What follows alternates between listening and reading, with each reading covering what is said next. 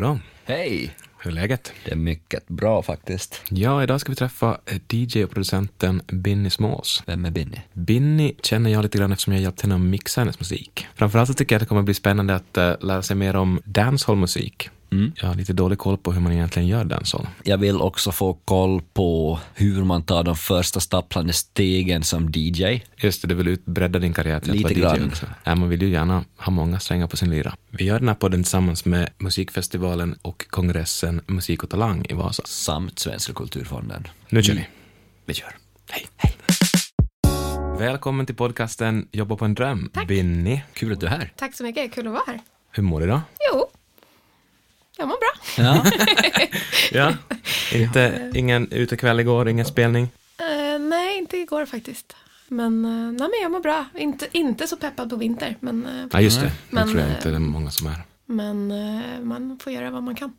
Har du några sådär, alltså plan på hur du ska ta dig igenom det? Eh, med tanke på att världen börjar öppna upp igen, förhoppningsvis, så tänker jag ta mig igenom det med att spela Med sång och musik. Musik. musik och glädje och dans. Nej. Men eh, ja, nej men jag tänkte nog bara köra stenhårt på musik Mm. och låta det rädda åtta månader av mörker. Ja. Vi brukar börja den här podden med fem snabba frågor. Oj, Så okej. vi får komma igång lite. Namn? Eh, artistnamn eller? Både och. Eh, Binny Smalls är mitt eh, DJ-producentnamn. Eh, Binny Alsen heter jag på riktigt. Ålder? jag tänkte säga gissa. eh, jag är 33 år gammal. Bor i Hornstull. Stockholm då alltså, för Ja. de som lyssnar utanför. Ja.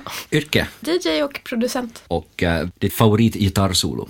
Oj, Kommer du på några gitarrsolon? ja absolut. Okej, jag tänker bara alla har ju, har ju inte en relation till gitarrsolon. Men Nej. det har du alltså? Ja, absolut. Jag är uppvuxen med mycket gitarrer. Men jag kommer inte på något speciellt. Okej, men- Jag tänker på, på AC/DC, men jag kommer inte på vilken låt eh, som Ja, är... ACDC är ju bra. Sen har jag för mig att det finns, jag drömde i natt, kommer ni ihåg Anouk? Ja. Ja, jag drömde om, eh, vad heter den låten? Nobody's, Nobody's wife. Jag drömde om den i natt och så vaknade jag upp, finns inte ett gitarrsolo i den? Det tror jag. Ja, Kanske. men då väljer jag den för att Ja, jag, dröm, jag val. drömde om den låten hela natten och har haft den i huvudet hela dagen. Så jag, jag väljer det. Svartvit video, tror jag.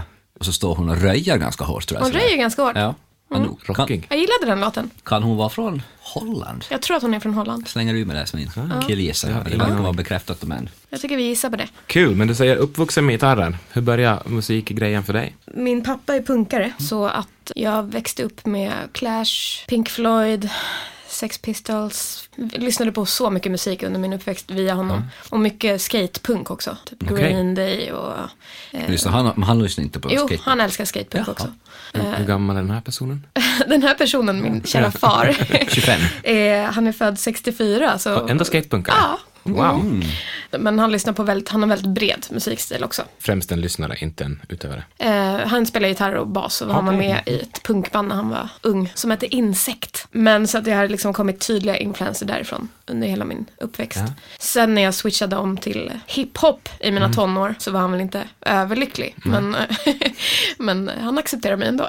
Blir fint. Han Det är en stor supporter. Stort av honom också, Verkligen. tänker jag. Hiphop är ju på ett sätt lite punk också, fast på ett annat, kommer från ett annat håll bara. Allting har ju liksom, allting hänger ju ihop på något sätt, influerat varandra under historien. Det går ju att hitta tydliga röda trådar, även genom punk och hiphop. Rebelliskt. Och var det något instrument som du började med eller lyssnade du på musiken? Och när kom du in på den instrumentet att skapa musik? Min mamma sa alltid att jag sjöng mig själv till söms. Så att jag tror att det började, jag tror att sången tog över först. Sen så började jag spela piano, kommer jag ihåg när jag var liten. Gick på pianolektioner. Sen så um, började jag musikskola, sjöng, spelade gitarr. Började liksom pilla med musik och skriva låtar och sådär. Sen har det bara utvecklats sen dess. En röd tråd i det här programmet verkar vara pianolärare. Hade du en snäll pianolärare? Jag hade en finsk jättesnäll pianolärare. Snäll? Sant. Hon var fantastisk. Vad heter eller hette hon? Eh, Jag tror hon hette Dunja. Dunja. Ja, eller något sånt. låter ryskt. Ja, nej men det var... En Dostojevskij-karaktär heter Dunja. Utan att bli en för finkulturell här show-off för den delen. show. Men, Det var, jag var så liten så att jag kommer faktiskt inte ihåg. Ja. De brukar ju vara lite bitskan då, pianolärare. Ja, finska framförallt. Pianolärare. Nej, jag hade också en väldigt snäll finsk pianolärare. Snäll. Ja, hon var väldigt snäll. Okej. Hon var fixerad vid två saker. Alltså dels, vad heter det, hon, hon hade väldigt torra händer. Så det var väldigt mycket handkräm. Till farbror Barbro. Och det var lite märkligt, det blev ju lite kladdigt på, på tangenterna. Så det var lite svårt. Och sen var också Det lät fixer... som att du fick en utmaning. Ja, men det, man gled omkring. Alltså det, det blev så här. Ibland spelar man väldigt snabbt ofrivilligt. Så det var speciellt. Sen var då, höll hon också på med sån här, alltså hur handen ska hållas. Man ska tänka en gummiboll inne i handen. Det var sådär, man ska inte spela med raka fingrar. Så ska man inte spela, säger hon. Alltså, nu visar jag här då för de som lyssnar. Mina Just det. raka fingrar. De ska vara böjda. Och de ska vara böjda så att man ska, tänk att man har en gummiboll under. Men det var ingenting som hon, Dunja var inte fixerad i det här. Eh, det var hon inte. Nej. Inte vad jag kommer ihåg i alla fall. Nej. Men sagt, mitt, eh, mitt minne från min barndom är inte, inte otroligt Nej. starkt. Men jag kommer ihåg små liksom, fragment. Eh, jag kommer ihåg att hon var ganska strikt men superbra. Hård men rättvis. Jag tycker, jag tycker om när folk är lite hårda men rättvisa. Mm. Mm. Ska inte vara för snälla. Men var det kul? Alltså det var något som du gillade? Mm, Det var kul men jag har aldrig gillat att eh, utöva musik via tvång, tänkte jag säga. Nej, men Nej. alltså via så här, lektioner och att det måste vara tidsbaserat, alltså schema. Jag, jag är så himla spontan när jag själv skapar musik och hur jag vill lyssna på musik och sådär. Så att jag höll mig aldrig riktigt kvar i att gå på lektioner. Så jag gav upp eh, och sen spelade jag själv bara. Jag är nog en så typisk person som bara behöver själv lära mig. Jag tycker inte om när jag får press på mig eller måste göra någonting. Men eh, de gav mig absolut någonting. Jag lärde mig alla grunder till, till att spela piano. Så det har jag ju fortfarande kvar idag. Som du har nytta av också i, i det du gör. Verkligen. Vad hände sen då i livet? Sen så... um, Gick du på vad heter det, musiklinje i gymnasiet? Mm. Det är väldigt obekant för oss, för det finns inga sådana linjer i Finland. Inte? Nej, det är inte alls samma system. Det kanske börjar komma men Ja. det är väldigt mycket så att man går på en, alltså alla går på samma gymnasium. Och sen kan man i och för sig välja om man vill läsa lite mer språk eller matematik eller fotbollslinje finns det sådär, tror jag. Alltså den nivån. Men det är mycket musikmänniskor i Finland ändå. Eller från Finland. Känns det som. Ja, det är väl inget stort musikland. Nej, men... Klassisk musik är väl ganska stort. Mm. Ja, där, är ju, där har ju Finland något som, en av få saker som Finland har som Sverige inte har är ju en, en stor kompositör då, Jean Sibelius. Ja, förlåt. Men, vad vi, Tror ni han hade lotion på fingrarna också? Tror jag absolut han hade. Jag gick sång på gymnasiet. Ja. Eh, och singer-songwriter. Singer-songwriter. Mm, svårt ord. Ja. sen efter det så började jag plugga på SAE till ljudtekniker. Eh, och sen så när jag var klar med det så insåg jag att ja, det var ju sjukt kul att plugga på SAE. Så då fortsatte jag och pluggade music business ett år. SAE är alltså, var en uh, yrkesutbildning i Solna. Exakt. Och sen när jag var klar med det så började jag jobba på SE och gjorde det ett tag tills jag fick den här typiska förvirringen i livet, vad vill jag göra? Så jag slutade och gjorde något helt annat i några år, jobbade med inredning, rörde inte ens musik. Men under tiden du jobbade på SAE och pluggade, gjorde du mycket musik då? Nej, alltså jag gjorde lite, men jag gjorde inte liksom någon karriär av det. Jag producerade lite downbeat elektroniskt. Så. Okej. Och så sjöng, sjöng jag lite och försökte mig på en, en liten EP. Men det var det enda. Och sen så bara, nej men sen så behövde jag bara en paus, tror jag. Tills en dag, slutet av 2016, när jag var på en fest på SAE. Eh, och där stod det en DJ-utrustning som flera stod och spelade på. Och jag stod och dreglade medan Okej. jag tittade på den och tänkte, gud vad spännande. Jag har alltid tänkt att DJ-ande har varit, skulle ha varit så svårt. Jag vet inte varför, mitt huvud har så här, satt en spärr hela mitt liv och tänkte att gud vad svårt. Så den kvällen stod jag bredvid, bredvid DJ-utrustningen, som min vän Emma Bates stod och spelade. Och så sa hon, här kom och tryck på play i takt. Liksom. jag bara, men gud jag kan inte spela. Och ehm, så eh, gjorde jag det ändå. Jag känner dig cool. Ja, nej, jag känner Inte? mig Jaha. Mm. ganska nördig faktiskt. Som bara stod och räknade takter och för att trycka på play i tempo liksom. Men man måste göra det alltså? Ja. Det är det man gör? Det är Det det, det man gör. gör? Ja. Räknar? ja, man räknar hela tiden. Eller jag gör det. Och sen tryckte jag play och sen så var jag... Eh, DJ-karriären på play sen dess så att säga? ja, jag gick hem och köpte en controller och sen så fick jag mitt första gig typ direkt efter. Och sen så bara fick jag jättemycket spelningar första året och allt bara vände upp och ner. Ja, Det här var ju otroligt. Fantastiskt kul. Men helt oplanerat. Dels är jag lite intresserad av hur du kom in, för det kändes fram tills den här åren i inredningsdimman, Mm. så kändes det ju väldigt Ja, men det var tydligt, du gick musiklinjen, det var MSA och, och båda utbildningarna och hela köret. Om vi backar lite grann där, där var du väldigt, jag vill återkomma till DJ för jag vill lära mig någonting om Ja. hur man är DJ. Men var det självklart att du skulle, ja men typ plugga musik Ja. och sådär? Absolut. För där lät du väldigt övertygad. Ja. Tvivlet kom sen, eller pausen kom sen ska vi säga. Ja, jag skulle nog inte säga tvivel. Jag skulle nog bara säga svårt att veta exakt vad jag ville göra. Vad min pusselbit skulle landa. Jag har alltid vetat att det varit musik, men jag har aldrig vetat exakt. Först så gick jag ut på sånglinje och sjöng. Men det var inte min grej heller. Jag vill inte stå på scenen. Framför ett bås. Ja. Jag vill stå i ett bås. Producerade lite men jag kände väl inte att det, den stilen som jag producerade då var min, liksom, var min. Svårt att förklara. Sen i den här pausen, om jag ska kalla det paus, så var det som att jag bara, jag saknade för mycket. Men jag vet inte vad jag saknar. Och då var det den här kvällen när jag tryckte på play, det var som att det var, ah, det var det jag saknade. Det var det jag skulle göra. Men då är den stora frågan, för jag har ingen aning om hur man DJar. Jag har aldrig gjort det i hela mitt liv. Mhm. Vad gör man?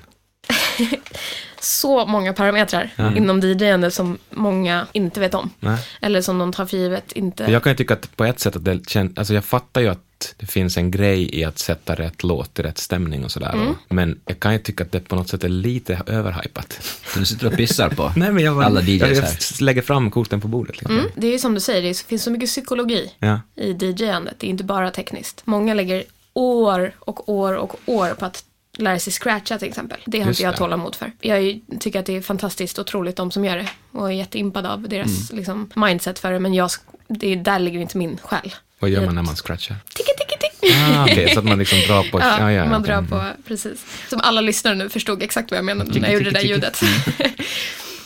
Det man ska tänka på är ju bara att, alltså det är klart att man måste vara tekniskt duktig på något sätt. Man måste ju öva, öva, öva, öva. Folk märker om man gör dåliga mixar. De kanske inte märker om man gör en dålig mix under en kväll, men folk märker om man är en dålig DJ. Typ väntar ut låten innan man spelar nästa eller bara gör en sjukt abrupt övergång mitt i en mening. Eller liksom, ja.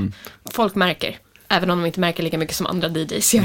Eh, Men sen är det även låtval, stämning, vilka låtar man placerar efter varandra, hur man bygger en kväll, hur man är vid sidan om sina andra DJ-kollegor. Om man börjar en kväll så kanske man inte spelar alla hits första timmen. Just Om kvällen är åtta timmar lång. När, när stället inte ens har blivit fullt än, om det inte ens har kommit så mycket människor så kan man inte stå och spela alla hits inom den genren man nu spelar i. Liksom. Men man måste också tänka på hur man beter sig. Kommer man i tid? Alltså man måste ju respektera. Det är så mycket tänk runt om som inte har med att trycka play i takt att göra. Som man tror från början liksom är det enda som räknas. Men det, det som är den, alltså rent tekniskt, tänk, alltså det är att man beatmixar ihop två låtar. Alltså det är massor med låtar med, liksom, med varandra. Och Mm. Precis. skapar. Över varandra eller efter varandra? Alltså, Eh, över varandra om man beatmatchar. Eller, ja exakt. Ja. Precis. Men eh, det är också jättestor skillnad på vilken musikstil man spelar. Okej. Hur man DJar. För att det går inte egentligen att jämföra house-DJande med dancehall-DJande till exempel. Om man tänker tekniskt. House-låtar är ju 10-20 minuter långa med långa instrumentala delar, långa instrumentala intron, outron. Dancehall-låtar är två och en halv minut lång, börjar med sång och slutar med sång. I princip. Och det är ett annat tänk där i hela den kulturen att man spelar lite snabbare. Så att det finns ju någonting som heter speed juggling. Som är liksom, man kan spela 20-30 sekunder av en låt innan man byter. Okej. Och då måste man vara sharp om man ska hinna det och göra det snyggt. Eh, och då är det oftast ganska mycket abrupta övergångar också. Så det är inte lika lätt att beatmatcha dancehall. Nej. Hiphop är lättare. Men, eh, men dancehall är lite, lite svårare. Jag var på en stor nattklubb i Berlin en gång och där var en DJ som spelade jättesnabbt. Du kanske vet vem det är, jag vet inte. Så typ bytte från Smells Like Teen Spirit till någon Backstreet Boys-låt och sen vidare till nästa, på bara så här 20 sekunder per låt. Det tyckte jag var väldigt häftigt på något sätt. Och allting passade, alltså det blev väldigt, väldigt mycket drag. Intensivt. Ja. Det blir ju oftast det, eh, för man tänker att det är ett fullt dansgolv, så kan man tappa folk på att spela en låt för länge. Just det. Eh, Så det är också någonting man behöver tänka på beroende på vad man då spelar. Men det blir, ett snabb, det blir mer dragigt. Folk vill ju höra igenkänningsdelarna av låtarna. Och sen behöver man inte spela så mycket mer. Sen hoppar man över till nästa.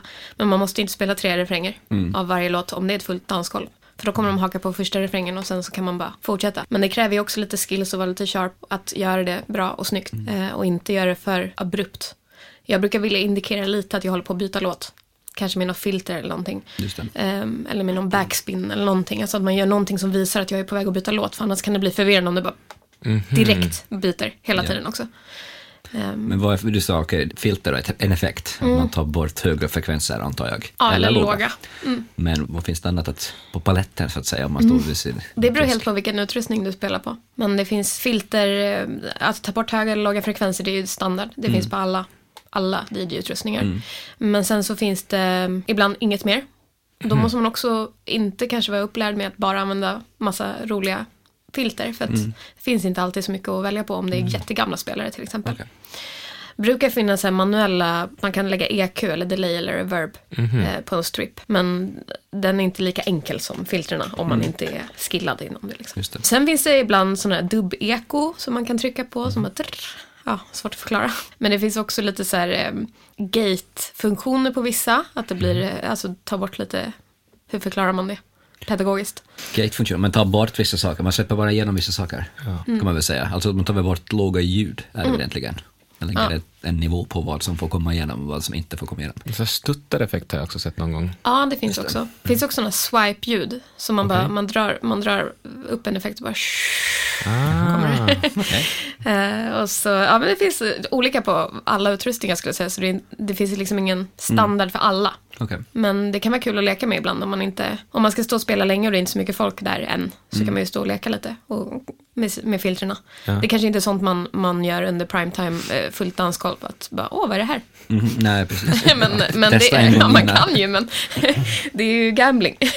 ja, verkligen. Men fokus ligger ju ändå inte på effekter. För det, det är min bild av DJande är att men det är väldigt mycket fokus på effekter. Jag tycker effekter är strössel bara. Okej. Alltså det är för mig. Men alla tänker olika. Jag säger inte någonting som är rätt eller fel nu. Eh, Det är bara, jag tycker att det är viktigare att läsa av en crowd Okej. än effekter. Om man säger så. Tycker det är viktigare att se vad de går igång på. Eller vad de liksom... Man kan se på ett dansgolv om det är fullt när folk ändå inte har feeling. De bara står där för att det är ett fullt dansgolv. Men man ser ju på energin om det inte är deras grej. Då får man tänka om. Så det är, för mig är det jättesvårt att planera ett sätt. För jag brukar oftast, jag brukar tänka typ vad jag ska spela för kvällen. Sen står jag där och då får jag inse att jag kan inte spela så som jag har tänkt. Och då måste man ha en backup-plan. Eller 35 Okej. backup-planer. Det är svårt att sitta hemma och bara, "Åh, jag ska spela en timme. Det är ungefär så här många låtar. Det är exakt de här låtarna jag ska spela i följd. Det går typ inte. För att då kan man väldigt, väldigt lätt tappa hela sin crowd. Men sen är det också saker att tänka på som att kanske inte komma en minut innan man ska spela om man är flera DJs. För då har man inte hört vad den innan har spelat. Då kan man inte fortsätta på den, Just alltså, det. Det. den linjen liksom. Och då kan man också förstöra ett dansgolv. Jag har haft DJs som kommer upp och ska spela efter mig som kommer liksom prick när deras set ska börja. Ställer sig första låten och spelar en låt jag spelade för fem minuter sedan. Jaha. Det är inte jättekul för ett dansgolv att höra samma låt så tätt inpå. Det kan ju hända om en kväll är åtta timmar lång men fem minuter efter en annan är lite tråkigt. Att få höra en repeat på det den innan har spelat liksom. Det känns ju som att du behöver ha väldigt, alltså hitta ny musik hela tiden. Absolut. Det det jag tänkte säga det grej? Mm. förut. Ja, Det är också en stor del att man måste vara påläst. Eller liksom hänga med i vad som händer. Och Det är väldigt ofta man hör DJs spela samma sätt som Mm. de alltid har gjort om och om igen. Och även om det är skönt och bekvämt så pushar man inte sig själv riktigt om man inte slänger in lite nya låtar. Det är också kul att testa att mixa nya låtar.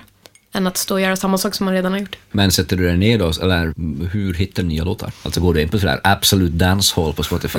Sådär, Nej, jag, nice. nej. ibland lyssnar jag på, det finns ju sådana specifika listor Mm. på Spotify. Men det brukar ju oftast vara sådana hits som man redan har hört. Men eh, där kan jag kolla ibland bara för att se vad, vad världen gillar. Annars lyssnar jag på extremt mycket mixtapes Okej. på Spotify och Mixcloud. Eh, Soundcloud och Soundcloud, Mixcloud. Mm. Och jag lyssnar, nog, alltså jag lyssnar på extremt mycket mixtapes. Och så är det radioshower som släpps Vad är hela ett tiden. mixtape för något? En, eh, ett avsnitt av ett slag. Eh, där man sätter ihop massa låtar bara. Som en mix. Som att man står ute och mixar fast man släpper det på Spotify. Det kan vara allt från 20 Okej. minuter till tre timmar. Så det är typ som ett DJ-set fast på Ja, inspelat istället. Precis. Mhm. Och där kan man hitta väldigt, väldigt mycket nytt. Soundcloud bjuder ju väldigt mycket på remixer och sådana saker som man inte hittar någon annanstans heller för att de inte är officiella. Eh, Så man måste gräva. Ja, det är lite av en upptäcktsresande i. Musik. Men hur tar man den musiken då? Alltså om man ska bara praktiskt, du lyssnar på ett mixtape. Mm. Så det här var ju nice, alltså det här hade varit coolt att blanda med det här. Alltså, snor du det eller? Mm. Nej. laddar du ner den eller får du säga det här högt? Alltså. Nej, jag har aldrig laddat ner någon annans mixtape. Okej. Men man kanske hör någon låt som man tycker är bra. Och då får man antingen eh, ta reda på vilken låt det är. Mm. Shazamma eller eh, skriva till den som har lagt upp mixtapet och fråga. Okej. Alla lägger inte ut listor Nej, på okej. Mm. låtlistor. Ibland har jag grävt i en månad för att hitta en låt. Mhm.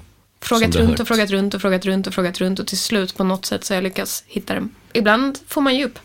För Okej. att ibland så är det sådana inofficiella remixer som någon har gjort och Mm. så svarar de inte på när man skriver till dem. Mhm. Det är därför jag brukar, alla mina remixer brukar jag göra nedladdningsbara. För jag tycker att alla ska få eh, tillgång till dem liksom. Och så det innebär att då kan de spela den fritt Ja. på sina... i sina sätt. Ja. Okej, men jag tänkte jag precis fråga, blir man inte sådär egoistisk om man väl har hittat det, men du verkar ju inte vara det då. Alltså sådär, du delar Den här är min, bara min. Nej, men jag tänker om du har letat för, i tre månader då. Sådär. Nej, jag är inte så mycket för, eh, för det.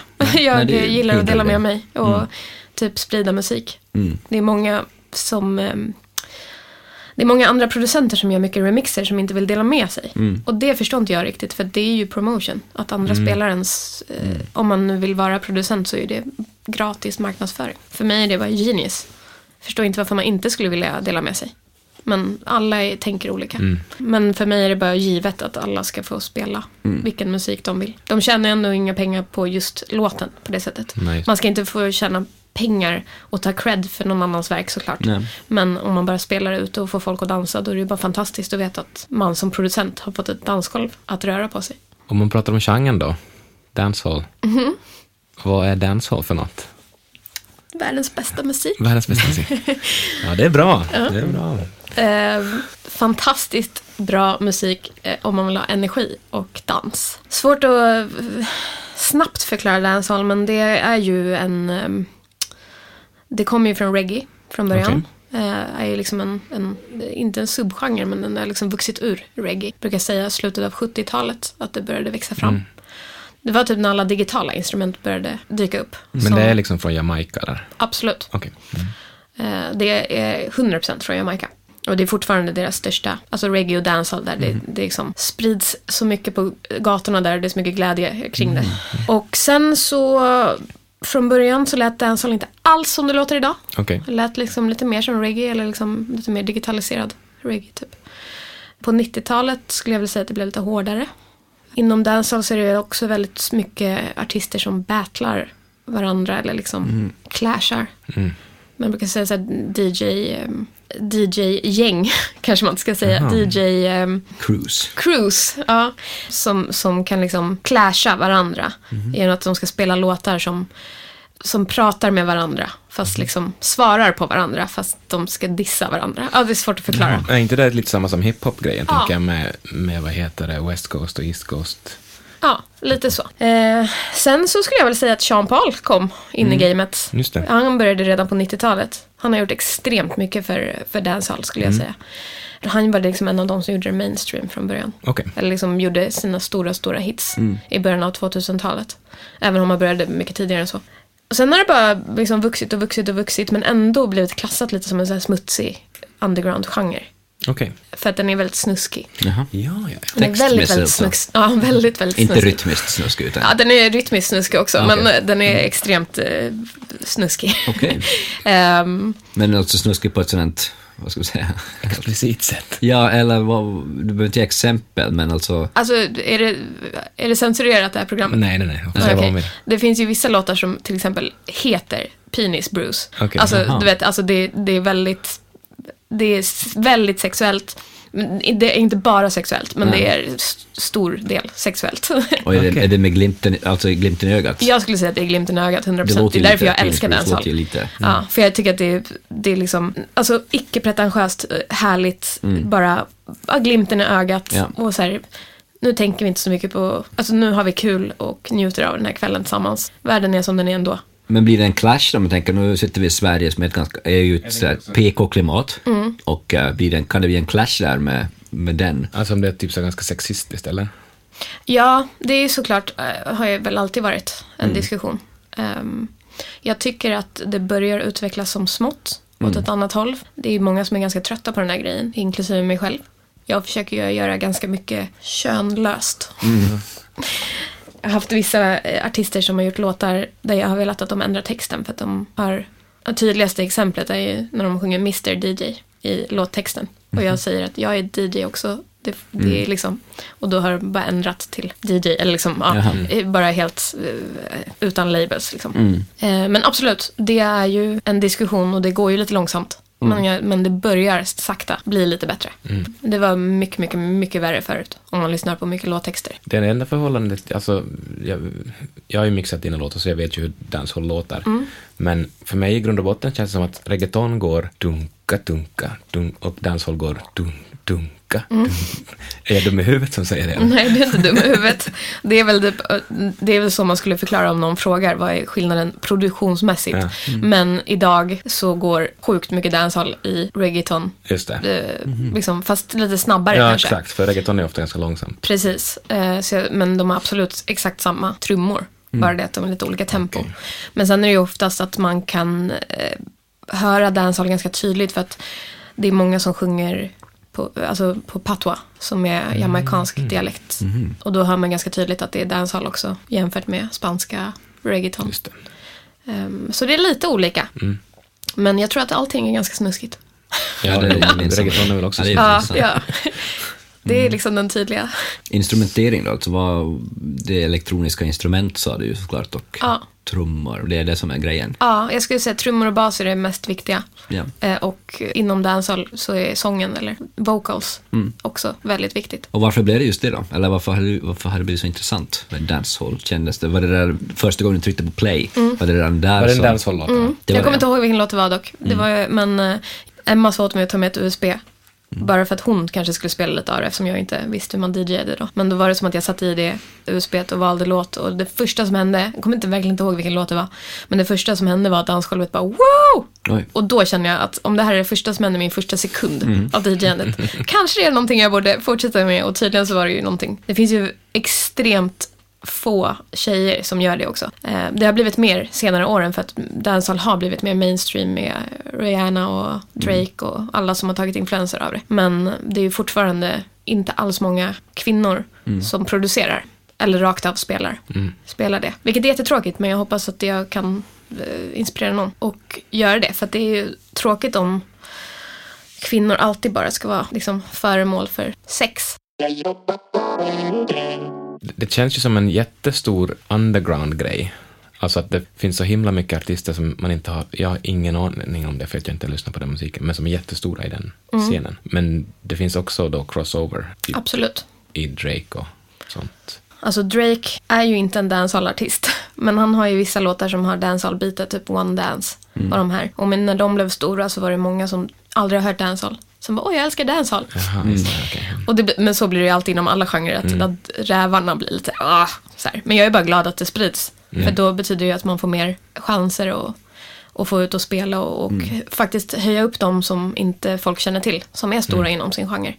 Men många dancehall-artister har folk hört talas om utan att de vet vilka det är. Eller liksom, Major Lazer har gjort mycket med dancehall-artister.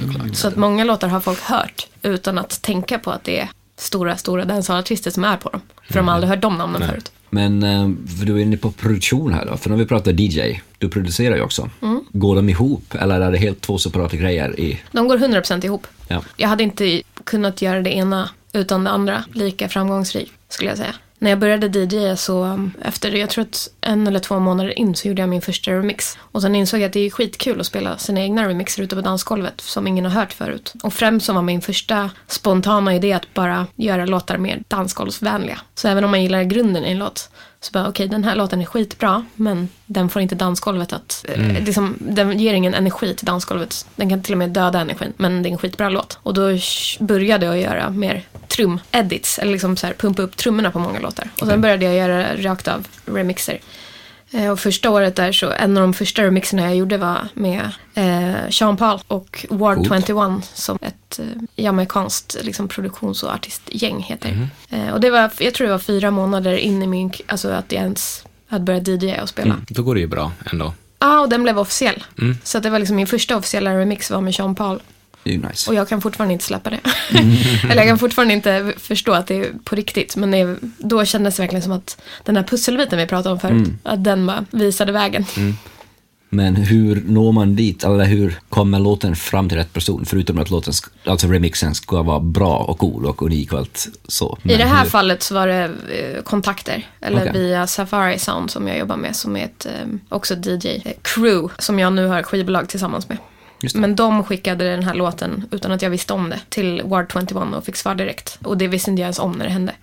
Men i annat fall så kan det bli så att man blir upptäckt. Nu finns det ju så mycket sociala medier och sådär. Det kan ju hända att man blir upplockad på Soundcloud eller ja, rätt öron hör rätt Mm. sak. Eh, men det är ingenting man riktigt kan planera. Nej, precis. Man, man får väl på något sätt så göra bra grejer så ökar man väl sannolikheten i alla fall att något ska hända. Det är min största filosofi när alla frågar mig hur det har gått så fort och hur det har gått så här. Jag kan inte förklara liksom slumpen, men jag kan förklara att det är för att jag har släppt mycket musik. Eh, och det brukar vara största spärren hos många producenter, att de inte blir helt nöjda och så sitter de på massa material. Och jag bestämde mig tidigt för att jag släpper när jag är 95% nöjd. Jag skiter i de där fem sista procenten, för då kommer jag aldrig släppa det. Så jag började bara släppa, släppa, släppa, släppa och Alltså det är trajectory. Det måste, man måste bara lita på att saker och ting tar sin tid också. Det behöver inte gå så himla fort. Vi hade ju en Net- Netflix-feature med en låt också. Just det. Och det tog ett år innan någon plockade upp den. Det liksom hände inte så mycket med den här låten från att vi släppte den tills den här dagen kom när någon har upptäckt den och vill ha med den på Netflix. Och bara, om vi inte hade släppt den så hade ju inte det hänt. Alltså man, man måste tänka så. Att det är bara, man måste ut med grejer. Var det via samma Safari Sound som ni kom i kontakt Alltså hur hörde Netflix av sig? Eller? Precis, vi, hade, vi släppte den här låten med artisten eh, Stylo G, som han heter. Släppte vi via vårt skivbolag då. Mm. Och det var en av de första låtarna vi släppte via vårt lilla, lilla skivbolag. Och sen så gick det bara ett år. Tänkte inte så mycket mer på det. Sen landade det ett mail i inkorgen Mm. från ett produktionsbolag från Kalifornien som tyckte den var bra och ville ha med den i sin, eh, sin serie. Men det var inte ni, alltså ni pitchade inte in den? Nej. Det är drömmen att de faktiskt hör av jag sig. vet, jag vet. Det också, sådär. Också så här, helt sjukt, men det, det hände. Men det är det jag menar med att man kan aldrig veta heller. Eh, men man måste bara ut med saker och inte Att de sitter och researchar så, alltså det, det är ju, de gör väl sitt jobb såklart, Mm. men att det är ändå ganska mycket detektivarbete. Alltså, eller var hittar de? Hittar Jag har de faktiskt ingen aning. eller? Jag har faktiskt ingen aning var de har hittat den. Alltså den är ju på Spotify men Ja. det är fortfarande en det är mycket musik på Spotify. Ja. Eh, och det här var liksom inte en låt som har fått otroligt många streams heller. Utan Mm. den, den, låg, den låg liksom ganska lågt och bara bubblade lite. Och sen så pang så var den med i serien och streamade hur mycket som helst. Och var, ja. Men det är kul när det händer. Men Ja, det är sånt verkligen. man inte kan sitta och vänta på heller. Man måste ju också få saker att Mm. hända. Första steget är att faktiskt ha någonting att visa upp. Det känns ju som att, speciellt om man jobbar i en sån genre som inte är så hitsdrivet, alltså så här att man ska ligga på någon lista här och där. Det känns ju som att mängden och kontinuiteten är nästan viktigare. Alltså att man släpper grejer för att vara relevant. Och kanske för att få DJ-spelningar också, att man så här jobbar Absolut. parallellt. går ju inte att marknadsföra något som inte finns. så att det är bara att köra, köra. Och alla har ju också sina olika preferenser vad de tycker är bra. Det många som tycker att någon av min remix är den bästa och någon annan tycker att en helt annan är den bästa. Och liksom alla har olika öron. Så att mm, det är bra att släppa mycket för då kan man nå fler. Eh, men skivbolag då? Hur kom det som en naturlig grej? Alltså var du med och grundade bolaget? Vi började jobba tillsammans ganska tidigt. Safari Sound har varit så inspirerande från början och aldrig definierat mig som kvinna. Liksom så här, kvinnlig producent, kvinnlig DJ. De har bara så här, grym producent, grym person liksom. Och verkligen så här, mejlat folk, hört av sig till folk, eh, liksom pushat mig, bokat mig till grejer. Verkligen hjälpt mig i min karriär som bara supporters liksom. Och Ganska tidigt så insåg vi att vi hade samma mål. Vi ville sprida dancehall i Skandinavien eller liksom i Europa. Och framhäva, hitta artister och bara göra vår grej. Och få ut saker som vi tycker om utan att behöva vända oss till majorbolag eller sådär. Vi behöver lika bra göra det själv. Men är det svårt att ha skivbolag? Nej, det är inte så svårt att ha ett indie-skivbolag. Det beror på vad man har för plan med det. Eh, Men det är, ganska, det är ganska simpelt. Men desto större skivbolaget blir, ju, ju svårare blir det väl. eh, Beroende på vad man är, är duktig på. Men typ när det kommer till ekonomi och sånt där så är inte jag, det är inte min, mitt största intresse. Så att när det börjar bli för mycket av sånt så då kan jag tycka att det blir, då vill man nästan ge det till någon annan, eller liksom lägga över den delen till någon annan. Eh, Men så länge det är indie och håller sig ganska litet så, så tycker jag det absolut går bra. Det blev ju så här, just med Netflix-grejen, då blev det wow. Ehm, Då var det mycket parametrar. Ehm, Så då fick man ju be om hjälp eh, utifrån bara för att det inte skulle bli fel. Men man kan ju, det finns så mycket hjälp nu för tiden. Internet. Ja. Otroligt. Ja, Ska lära sig allt. Kan bli stort som helst. exakt. Ja, nej men okej, skivbolag, intressant. Jag funderar bara, vad gör man alltså? Vad gör ett skivbolag? Eller ni ger ju ut musik uppenbarligen. Jobbar ni med, jag tänker ett majorbolag jobbar väldigt mycket med promotion. Gör ni också det där? Eller är det mer att ni har ett label, ni har ett namn och så ger ni ut musiken och sprider det på var man sen delar det? Det är nog snarare så. Vi har ju alla karriärer vid sidan av. Så att skivbolaget är ju inte liksom huvudfokus deluxe. Att vi lägger allt i det. Utan det är snarare ett hjälpmedel för oss alla att, att kunna göra musik och sprida musik på det sättet vi vill. Att vi har lite mer kontroll över läget. Men Safari Sound är ju, de är DJs också och clashar och gör den grejen. Och jag producerar och DJar så att det är inte 100% huvudfokus. Så det är snarare få ut musik som vi tycker om och framhäva artister som vi tycker om och sen promota det så gott vi kan. Men främst då via typ guerrilla marketing, alltså sociala medier och sånt som inte kostar så himla mycket. Mm. Men hur gör ni, alltså, för jag tänker att de artister som ni släppt och släpper är ju inte kanske från Sverige då. Nej, Hur jobbar man med den biten? what's up? What's up? Okej. Eh, Det är nog den mest tricky biten tycker jag som producent. Jag hade älskat att sitta i en studio med en artist. Mm. Men det har inte hänt än så länge. För att alla artister vi har jobbat med är från New York, eh, London eller Jamaica. Och senast eh, Österrike. Så att det är lite svårt att få till sådana fysiska möten. Och speciellt i en pandemi så är det ju ännu svårare. Men drömmen är ju att kunna sitta i en studio och göra mer musik med en och samma artist. Så att det inte blir de här singlarna med, med en artist. Utan det hade varit kul att jobba ett lite längre samarbete med en specifik artist. Det skulle vara min dröm i alla fall som producent. Att ha ett lite mer längre samarbete och göra fler låtar tillsammans och liksom slå ihop huvudet med sin artist och komma fram. Sveriges nästa Jean Paul. Exakt. Finns ingen nästa Jean Paul. Inte? Det var- Jean Paul är Jean Paul, ja. Är han bäst alltså? Ja. Eller störst? Ja, störst, bäst. Ja. Nej, det är väl väldigt subjektivt. Men för mig så är han absolut nummer ett. Och Då är det ju extra coolt att du fick en officiell remix. Det är det jag säger. Det är menar därför det. är fortfarande blow my mind. Ja, jag förstår. Men ni kan väl ni kör inga sådär alltså realtids-sessions över, det är väldigt mycket skicka tracks fram och tillbaka och Det är främst uh, WhatsApp, skicka beats och Mm. få tillbaka idéer och demos och försöka jobba så. Jag har haft några så här, telefonsamtal, men det är svårt också. Speciellt med jamaikaner, för att Mm. jag förstår inte allting riktigt eh, som det är en specifik dialekt. Även om man har jobbat med Mm. dancehall i några år så är det ju svårt att förstå precis allt när det pratas fort. Men eh, det har inte varit så mycket sånt faktiskt. Mm. Jag har haft något videosamtal också, vilket känns lite roligare för då får man se ett ansikte. Men det är absolut inte samma sak som fysiskt sitta i samma rum. Nej, nej, nej. men det kanske blir mer av det framöver här. Post-pandemi håller vi tummarna om att man får se lite fysiska ansikten. Vi får åka på en sån turné till alla de här ställena. Jag hade, en, eh, jag hade ju en två veckors eh, turné planerad i New York. Eh, men den fick ställas in på grund av att pandemin slog till. Tyvärr, men eh, Vad skulle du DJa då, eller? Eh, DJ och träffa lite artister. Okej. Både och. Så att det var liksom en så här all in all resa. Och så skulle jag göra en, en showcase-grej för ett ganska stort företag som jag inte tänker nämna. Eh, men det, vi får se.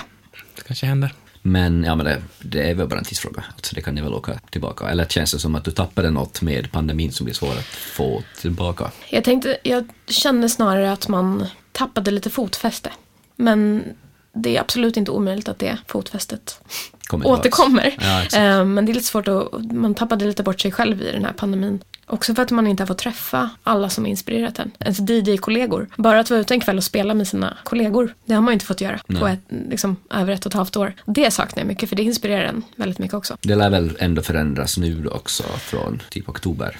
Såvida allting kan gå tillbaka som det var, liksom mer eller mindre, så tror jag absolut att det kliar i fingrarna på många. Men tyvärr är det många som också har slutat efter den här pandemin. Eh, som har insett att de inte fick stöd eller inte fick eh, råd att vänta ut det. Eh, och satsat på annat och kanske stanna kvar där.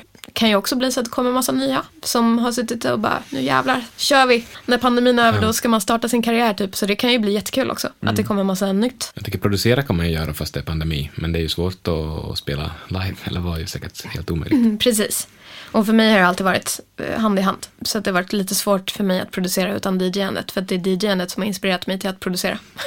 så lite så här rundgång. Just det, så om man tar det rent praktiskt då, att det inspirerar dig, hur går det till? Tänker du ut en låt som du ska prodda när du står och DJar eller? Många av mina remixer har jag gjort för att jag, som sagt, har kommit på att det här vill jag testa på dansgolvet och pumpa upp trummorna eller göra den mer, liksom lite mer energisk. Eh, och när jag inte haft ett dansgolv att testa det på så har kanske inte inspirationen till att göra remixer heller varit lika stark. Och då har jag gjort mindre remixer, vilket har lett till kanske att man inte har, gör lika många originalbeats heller. För att det är svårt att här, se ett ljus i mörkret, om man säger så. Men det där går ju i perioder också. Det där kan ju hända även utan en pandemi. Att Ja, man ja, tappar visst. motivation och inspiration. Ja. Man får bara hitta andra sätt att hitta det på liksom. Om du blickar framåt här, förutom då vår tid efter pandemin, vad har du för drömmar och mål? Hur tänker du med mål? Gör du bara din grej och ser vad som händer eller bygger du upp större mål och mindre mål som du jobbar mot? Eller? Jag har absolut inga mål. Nej. Jag gör bara min grej och tycker att så länge jag tycker att det är kul så vill jag göra det. Jag brukar vara försiktig med att sätta för mycket mål och tidspress för det ger inte mig någonting. Jag vill bara göra det jag tycker är kul. Producera det jag tycker är bra. Spela det jag tycker är kul. Träffa härliga människor som inspirerar mig. Men jag har ingen, inget mål över att bli världskänd producent. Även om det absolut hade varit underbart. Men det är liksom ingenting jag strävar efter för att det hade dödat min motivation ännu mer. Att försöka uppnå någonting som, som inte ger mig glädje. Jag vill bara njuta och ha kul. Det låter jätteklyschigt, men det är verkligen sant. Press går bort. Mm, Nej, men det kan man väl förstå. Jag tänker att det är inte så roligt att börja känna prestationsångest och sådana saker. Jag tror att det är därför många också som är för fokuserade på pengar tappar mycket kreativitet. Och där vill inte jag hamna. Så det är därför jag försöker att få därför jag tycker att DJ och producent är en perfekt kombo. För jag behöver inte fokusera på att tjäna pengar bara på det ena. Mm, nej. Utan man kan liksom, man kan dubbeljobba och hitta andra eh, sätt att tjäna pengar på. Som inte behöver vara liksom att man måste bli, få en miljon streams för att klara sig. Eftersom man inte vet det, precis det vi var inne på innan. Det finns ju ingen garanti för att en låt kommer att generera något överhuvudtaget. Aldrig. Ja, Då får man väl fundera, ja, men, som jag och Oskar har pratat om någon gång i alla fall, det, är sådär att, ja, men, det blir farligt om man bara jobbar mot mål. Alltså man måste ha kul på vägen. Verkligen. Mål är ju bra i och för sig lite grann. Det är jättebra med mål. Eh, Jag önskar att jag hade fler. Men, Ja, exakt. eh, så jag håller med dig där. Men, men självklart får inte, det får inte ta över det roliga. Nej, eftersom det är så osäkert också. Alltså sen Precis. kommer bra saker att hända om man gör bra grejer. Man ökar framförallt chansen för det hela tiden om man blir bättre på bättre det man gör och man träffar nya människor och man får ut ny musik och allt sånt. Det känns som att om man har för mycket fokus på mål så då stänger man ner, alltså man bara som så här, vad heter det, blinders på och bara tittar mot målet och så glömmer man bort att det ska vara ganska kul när man tar sig till målet också. Precis. Resan är målet. Resan är målet. På tal om klyschigt. Exakt. Jo, men det finns mycket sanning i klyschor också. Det gör ju det. Eh, Men jag tror som ni säger, det är viktigt att fokusera på att njuta av det man gör. När det kommer till kreativa saker så får man inte tappa bort sig. I all framgång. I, i all framgång. Precis. Vad ska du göra den närmaste framtiden då? Jag ska producera väldigt mycket. Jag har några grejer på G som jag tyvärr inte kan säga. Hemlisar? Ja, lite hemlisar med lite artister som jag är väldigt exalterad över. Men jag ska inte jinxa det så jag tänker inte nämna någonting. Spelningar, Just det, det spelningar, på. spelningar. Förhoppningsvis återuppta internationella spelningarna också. Så att eh, man får ut och resa lite igen. På tal om kul då. Det låter ju inte superhemskt. Nej, det skulle jag nog inte säga att det är. Det är fantastiskt roligt. Det är nog det bästa med att DJ tror jag. Det är att resa och få spela och se andra andra människor i publiken och andra kulturer och se hur det funkar och ja, bara utmana sig själv. Sen ska jag göra lite mixtapes, lite radiogrejer. Det är va, bollar i luften, är det. Det låter ju spännande. Jag har helt alltså annan tanke slog mig på här. Men, nej, men jag menar med, när du har alla de här grejerna på gång, tänker du på branding och sånt? Alltså ditt varumärke? Hur, Absolut. Tänk, hur tänker du där? Eh, alltså jag är, som sagt, dancehall är ju en av mina största, men jag spelar ju inte bara dancehall. Jag Okej. spelar ju mycket hiphop och reggae och, och eh, afrobeats och allt annat också. Ehm, men jag är absolut inte en sån um, all-DJ, eller sån som spelar allt. Nej. Det är jag inte. Så jag tror att det är bra att ha någon sorts fokus om man vill sikta på en karriär inom det. Eh, att inte vara all over the place, alltså att ha lite fokus. Just Sen vill man ju alltid vara lite flexibel och inte bara en sak. Nej. Liksom. Men sen brukar jag tänka på branding när det kommer till att ha någon röd tråd i mina, alltså mina produktioner. De flesta som hör mina remixer säger att de hör direkt att det är jag som har gjort det. Och det är alltid en bra sak tycker jag. Att man har lite, eh, någon personlig touch på det. Vad är den touchen? Går det att säga vad det är? Eller? Jag kan nog kanske inte säga vad det är. Får du fråga någon? Får du fråga Oscar om? ja. Vad är Bennes personliga touch i? Det är ganska svängigt, ganska spartanskt. Det är inte så mycket grejer, vilket är nice när man ska mixa det, för det går att trycka på sakerna som finns där. Eh, Men jag håller ju med om det att det är viktigt att ha en sån ID i soundet, tänker jag, speciellt i den sån genre, alltså typ så här Pharrell Williams. Om man hör en Pharrell Williams-produktion så hör man direkt att det är han som har gjort den. Typ från fyra första slagen i låten. Det är liksom en coolness att, att ha den IDet. Eh, Sen vet jag inte vad det är. Nej, det är lite svårt ibland att säga. Mm. Det, bara, det bara är en känsla, tror jag. Eh, Men sen är det också grafiskt, alltså att man försöker ha lite röd tråd med. Det med tänker jag att du är väldigt duktig på. Ja, tycker du? Mm. Tack. Att du har bra grafik. Det känns ju som att min bild av, jag är som inte alls bevandrad i dancehall-världen och så här, men att de har väldigt skrälliga omslag. Mm. Medan du är mer, lite mer classy. Ja, jag försöker i alla fall ha en liten, eh, jag försöker ha någon sorts estetik över det. Men, eh, men som du säger, det är ju otroligt komiskt ibland att kolla igenom omslag fortfarande 2021. Och det är liksom bara en stor rumpa på omslaget. Eller liksom, Det var något omslag så, förra året som jag, jag kommer inte ens ihåg vilken låt det var, men det var, alltså det var nog ett av de fulaste omslagen jag har sett i hela mitt liv. Och det är också en av de bästa låtarna som släpptes förra året. Eh, Så det, det verkligen gick inte ihop. Jag förstår inte hur man kan missa den detaljen. Att ha ett bra omslag också. Eller liksom att i alla fall att det ska se okej ut. Nu var det nästan så att man skämdes, man vill inte dela med sig av låten för att omslaget var så fult. Nej, det blir ju Och då blir, går det ju liksom. tvär, då blir det ingen bra promotion. Men det kanske inte är fult i den alltså, det kan... Smaken är som baken. Alltså det var typ en, det var liksom typ en plastpåse som flög över en väg. Och det var en dancehall-låt. Det var, alltså, nej, jag kommer inte ens ihåg, men det var inte alls top notch. Nej, det var inte genomtänkt. Det var inte genomtänkt. Men gör du omslag själv eller har du någon som grafiker som jobbar med eller hur gör man sånt? Nej, jag gör alla mina omslag själv. Men till skivbolaget så eh, har vi använt oss av några olika illustratörer som har gjort både svenska och utländska, som är superduktiga. Två omslag har vi faktiskt eh, fått av eh, kvinnliga illustratörer. Inte för att det spelar någon roll, men jag tycker Nej. att det är häftigt att Ja. eh, så här, försöka blanda in alla i liksom, utförandet. Både det grafiska och det musikmässiga. Jag vet inte om jag har så mycket fler frågor. Har ni lärt er att DJa nu då? Ja, just det. Om vi har lärt oss att DJ? Jag tänk, tänk att det, Nej, jag tycker fortfarande lite alltså, svårt att greppa tycker Ja. jag. Jag förstår, du är inne på det här med USB, alltså Just det. om man kommer med den, det är där man har låtarna. Man kan spela med sin dator också. Just det. Eh, Man behöver ett eh, mjukvaruprogram. Mm. Det är många, många som inte är DJs som tror att man spelar från Spotify. Alltså bara, du kan väl spela vilken låt som helst för du spelar ju från Spotify. Mm. Ja, jag hade typ kunnat Ja, ja men och, och jag förstår att man gör det om man inte är, eller liksom inte vet vad, vad det handlar om. Men det är absolut inte så det funkar, utan man laddar ner varje låt för sig i sitt eget bibliotek. Så att när folk kommer och önskar låtar och tar för givet att man har alla låtar i universum så är det absolut inte så. Alla har sina egna bibliotek. Så alla DJs blir ju personliga. hur håller man koll på alla låtar då? Ja, det gör man inte. Nej, okej. Jo. Eh, har man en dator så är det lite lättare för då har man hela sitt bibliotek och kan söka i Serato till exempel Ja. om man använder det som mjukvaruprogram. Det är Eh, ett DJ-program eller? Ja, precis. Det är väl det största DJ-programmet. Recordbox och Serato. Har man ett USB så är det inte lika lätt att söka. För då sätter man bara i USB i utrustningen och så behöver man liksom scrolla och hitta låtar i olika mappar och så vidare. Det är inte lika lätt som att stå och söka på en dator. Men jag är en USB-DJ, så att man har ju lärt sig. Är det coolare att vara en USB? Det är, jag skulle säga att, att det är närmare att spela med vinyl. Det är absolut inte samma sak, men det är närmare det än att stå med en dator. Men jag kan tycka att det är jobbigt att spela med dator för att jag tycker inte om att ha alla valmöjligheter i universum framför mig. Jag, Det gör det svårare för mig.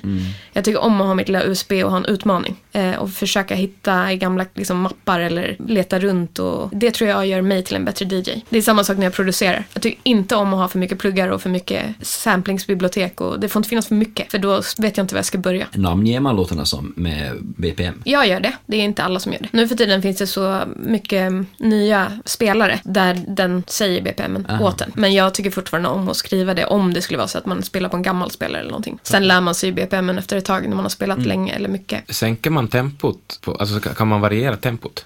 Så att typ om jag spelar What's Love Got To Do With It och den går i ett specifikt tempo och den låten du spelar innan den går i ett annat tempo, kan man liksom matcha det då så att den går lite långsammare, lite snabbare än vad den egentligen gör? Mm, absolut. Det gör man nästan hela tiden när man Okej. spelar. Eh, mer eller mindre. Man kan inte ändra hur mycket som helst i tempo. Nej. Vissa låtar får man bara köra en abrupt övergång på om man vill byta tempo helt. Eh, men oftast då använder man sig av att gå upp eller ner i tempo för att matcha. Vad är det ultimata tempot för att få dansgolvet att koka?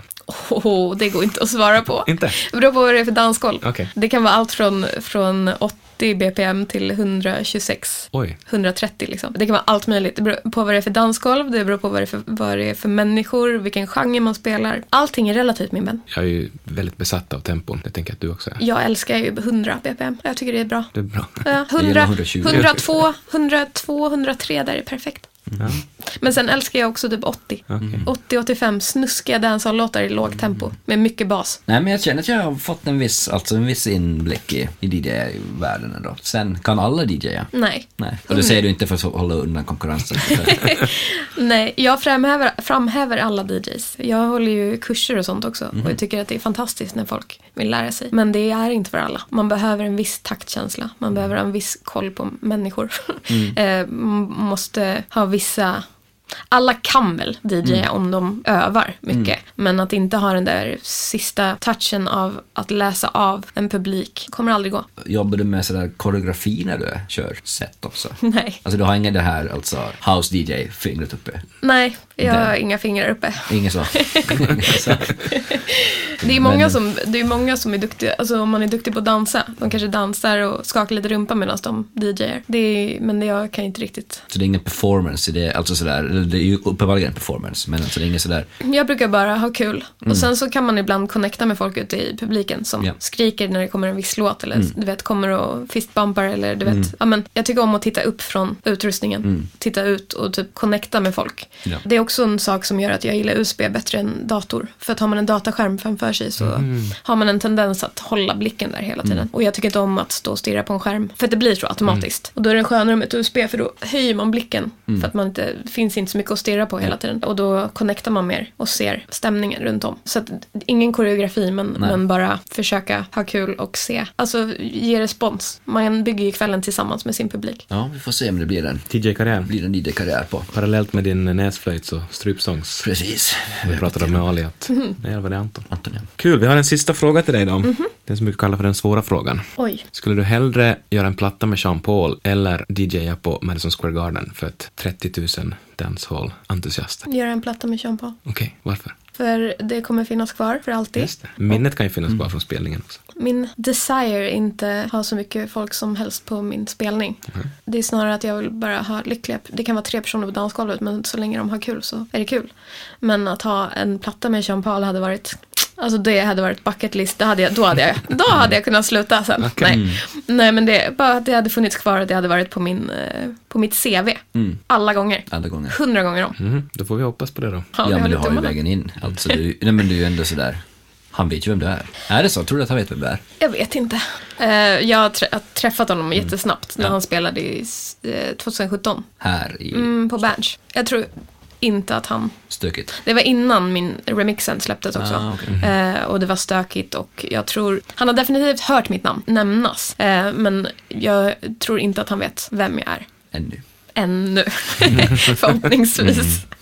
Ja, det är en intressant aspekt, tänker jag, att när jag producerar grejer så då sitter jag oftast i studion med artisten och då lär man känna varandra och bli ganska goda vänner. Men det är inte riktigt samma sak om man skickar tracks och håller på fram och tillbaks. Nej, det blir precis. Och det är väl den, den aspekten som jag saknar mest. Eller skulle vilja uppleva. Med att kommunicera och bygga upp någonting tillsammans. Inte bara skicka ett bit och få en klar låt tillbaka. Utan snarare att bygga någonting ihop och fokusera på fler låtar än bara en. En hel skiva hade ju varit magisk. Det hade jag också velat göra. Göra ett album där jag jobbar med massa artister. Det skulle vara skitkul. Där Mm. Det kan har, du väl göra? Ja, det- har jag faktiskt aldrig delat med mig förut. Men det är en plan jag har i mitt huvud. Jag har liksom inte börjat skruva på den planen än eller, eller ha några delmål. Men det är en dröm att göra någon sån grej. Mm.